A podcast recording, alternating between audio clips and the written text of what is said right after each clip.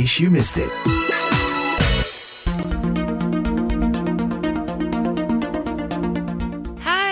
Lagi dengan saya Madioni dalam In Case You Miss It VOA Washington DC, program yang hadir setiap hari Jumat. Kesetaraan dalam memperoleh kesempatan kerja tanpa diskriminasi merupakan salah satu isu perburuhan sekaligus sosial. Mereka yang tidak memiliki fisik yang dianggap ideal, seperti berat badan, tinggi, warna kulit, kerap tersingkir bahkan sebelum mendapat kesempatan menunjukkan skill atau kemampuan mereka. Bagaimana prakteknya di Indonesia? Kita akan membahas masalah ini dengan Vira Firmigia, Ketua Human Resources Association Bali yang menaungi profesional HR di berbagai sektor industri dan Muhammad Irfan, aktivis Konfederasi Serikat Buruh Seluruh Indonesia atau KSBI sekaligus pengarang buku Perempuan Menapak Kesetaraan. Pak Irfan, bagaimana aturan ketenaga kerjaan sekarang terkait kesetaraan dan diskriminasi pada kesempatan kerja di Indonesia? Sampai sekarang itu masih terjadi ya di dunia maupun di Indonesia juga. Misalnya ya diskriminasi dalam apa gender,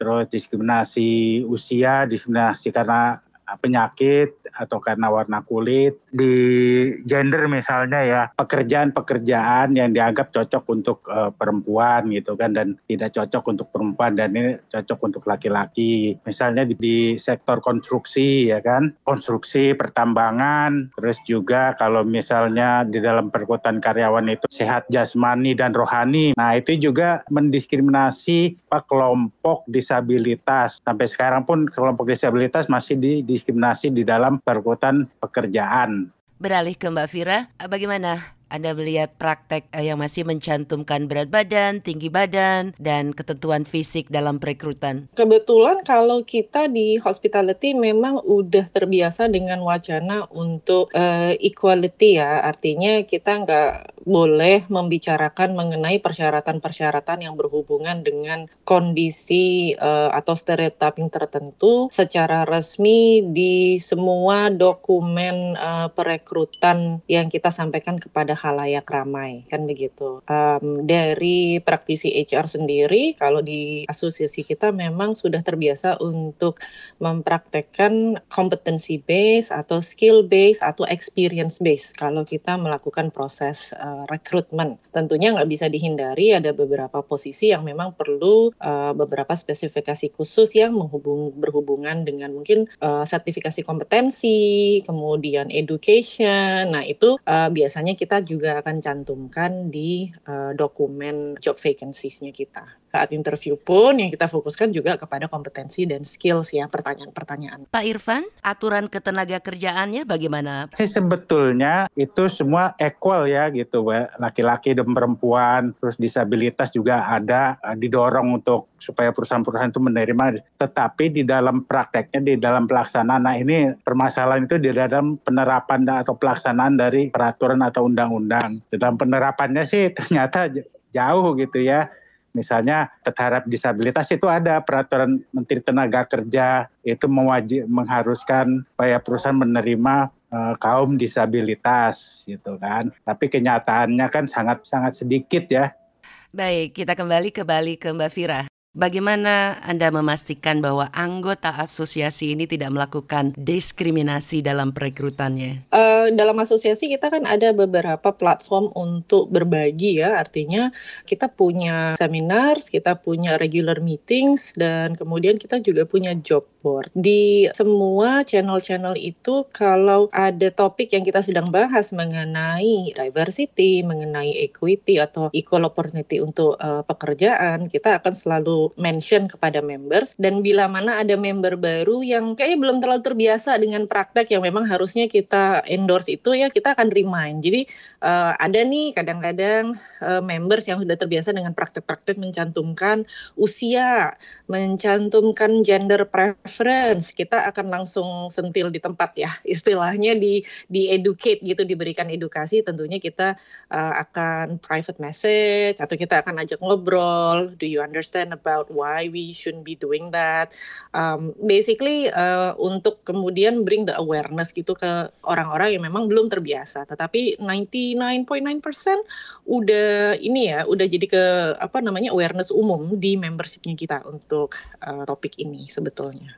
Ya Mbak Fira, uh, Pak Irfan, adakah kasus-kasus yang ah. dihadapi oleh buruh ini sampai ah. misalnya bersifat nasional yang terkait diskriminasi dalam perekrutan? Paling banyak yang disorot itu saya paling ya perempuan misalnya gitu ya dalam pekerjaan domestik dan publik. Misalnya pekerja rumah tangga domestic workers. Sampai sekarang itu di di legislasi ya itu kan udah sampai 14 tahun domestic worker ini kan kebanyakan perempuan. Informal yang unskilled itu selalu mengarah kepada perempuan. Nah itu kan juga sifatnya diskriminasi padahal mereka juga berkeahlian juga gitu loh. Terus juga misalnya pekerja migran juga ya kan eh, mayoritas kan juga perempuan yang bekerja di sektor domestik sebagai pekerja rumah tangga juga dan itu juga perempuan semua gitu. Kenapa misalnya itu perempuan ya di, karena dianggap itu adalah unskilled. Itu aja udah uh, udah jelas gitu. Walaupun di peraturannya Indonesia kan bahwa itu equal gitu kan perempuan sama laki-laki. Tidak ada diskriminasi. Kan Indonesia juga sudah meratifikasi anti diskriminasi terhadap perempuan itu kan. Tapi kan di dalam kenyataannya tidak seperti itu. Di dalam perekrutan ya. Sedang perekrutan pekerja migran, perekrutan di apa pekerja rumah tangga yang di dalam negeri ya. Sektor-sektor misalnya konstruksi misalnya itu kan sampai sekarang masih tabu. Walaupun sebetulnya boleh-boleh aja kan belum-belum pasti udah akan di stop akan di, wah nggak bisa di sini.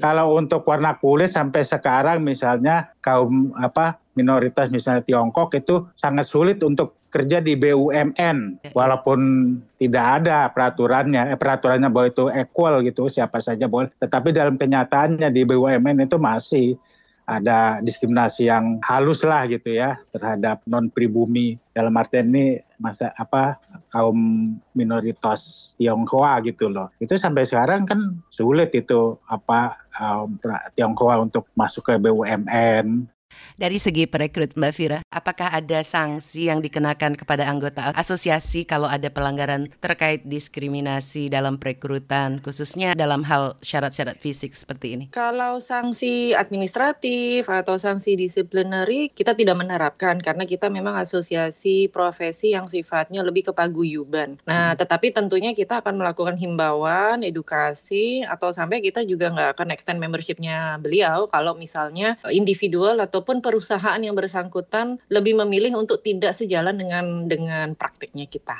seperti itu. Jadi sanksinya lebih ke sanksi keanggotaan membership. Pak Irfan menilik pembicaraan kita sebelumnya tampaknya secara general masih gender based dan belum spesifik uh, soal berat badan dan lain sebagainya. Kalau kita bandingkan dengan aturan hukum yang baru saja diterbitkan oh. oleh wali kota New York misalnya, secara jelas yeah, yeah, yeah. dia mengatakan orang yang overweight atau kelebihan berat badan atau digemuk lah begitu tidak boleh didiskriminasi baik di tempat kerja maupun di lingkungan yeah, yeah. sosial. Mungkin seperti ini yeah. uh, karena biasanya tuh di dalam perekrutan uh, karena kan kadang-kadang tuh ada syaratnya misalnya berpenampilan menarik itu yang pada berat overweight seperti itu tidak menarik ke diskriminasi betul, gitu loh. Betul. Penampilan menarik itu seperti apa gitu, bukan kapasitasnya tetapi lebih pada penampilan gitu. Itu kan sering sekali itu di dalam syarat-syaratan itu berpenampilan menarik tuh atau misalnya sehat jasmani dan rohani. Nah itu berarti yang kaum disabel sulit pengidap HIV juga nggak bisa. Sejauh ini Mbak Fira uh -huh. di luar asosiasi, uh -huh. apakah masih melihat uh -huh. ada rekrutan atau hiring yang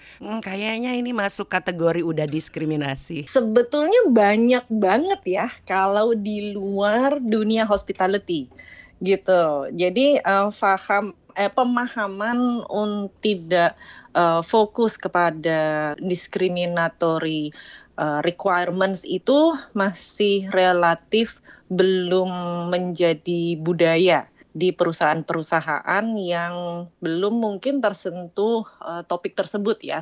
Jadi masih kalau bisa bilang old school atau kemudian they don't know any better gitu. Kenapa kok tidak boleh mencantumkan atau kenapa kalau ini tidak baik dipraktekkan uh, dilanjutkan prakteknya. Itu kalau kita ngomong di Bali, di Indonesia, um, di job board job board apa pun baik online maupun media cetak itu masih sangat lazim terlihat usia, kemudian gender, kemudian uh, apa namanya preferensi, kadang-kadang mencantumkan preferensi religion gitu ya, um, yang nggak ada hubungannya gitu ya mungkin secara uh, kompetensi dan skill, tetapi itu terjadi dan itu dicantumkan. Padahal saya selalu bilang sama kalau sama teman-teman yang masih belum aware gitu ya, saya bilang apa bed, kenapa bedanya mencantumkan uh, pria garis miring wanita? Karena pilihannya kalau nggak pria ya wanita atau apa nih saya bilang gitu kan? It's either or dong saya bilang gitu. Iya. Uh, jadi buat apa dicantumin kalau memang cuman itu aja pilihannya gitu. Uh, awareness kalau untuk di luar dari dunia yang uh, saya geluti memang masih masih long road ya kalau buat kalau pengamatan saya apakah ada ya. upaya hukum yang bisa dilakukan untuk uh, misalnya menggugat perusahaan yang melakukan praktek-praktek seperti ini? Siapa biasanya yang melakukan? Ada perkumpulan-perkumpulan, misal perkumpulan-perkumpulan yang memperjuangkan itu. Misalnya untuk disabel itu ada ada kelompoknya ya, misalnya HDWI atau PJS, perkumpulan sehat jiwa, jiwa sehat atau seperti itu. Itu sudah banyak misalnya sekarang ini mereka merespon RUU kesehatan ya, di mana di situ disabilitas itu kurang terlindungi gitu loh. Nah di situ kawan-kawan perkumpulan PJS disabel ini yeah. itu memperjuangkan agar supaya kaum disabel itu di dalam RUU kesehatan itu terlindungi gitu loh. Kita memperjuangkan misalnya di uh, Inspire, Inspire yeah. Indonesia itu bergerak di perlindungan sosial. Di dalamnya bermacam-macam. Ada organisasi perempuan, disabel, kaum miskin kota, nelayan, pekerja migran, seperti yang kelompok-kelompok rentan ini. Nah ini kan mereka rata-rata memang mengalami diskriminasi dalam perekrutan pekerjaan rata-rata seperti itu. Perlukah pemerintah sebagai pengatur regulasi lebih spesifik menjelaskan diskriminasi ini tidak boleh mencantumkan tinggi badan, berat badan atau umur? Harusnya seperti itu tidak lagi ada persyaratan berpenampilan menarik atau misalnya usia sekian ada tuh kan di persyaratan perkuatan usia sekian sampai sekian. Biasanya tuh umur-umur yang 40 tahun udah sangat susah tuh Betul. untuk mencari pekerjaan kan udah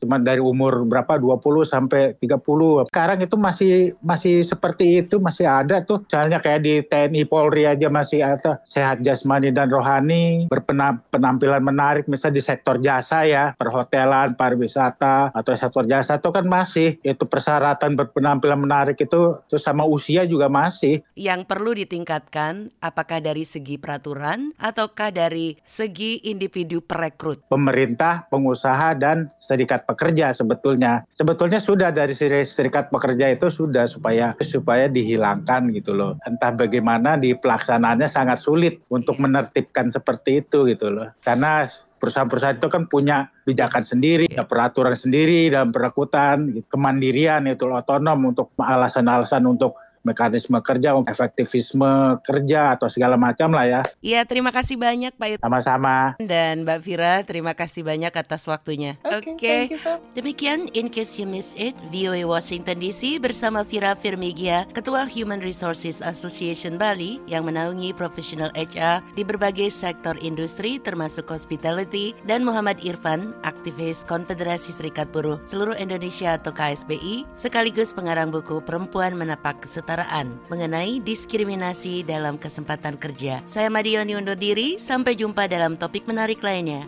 Bye.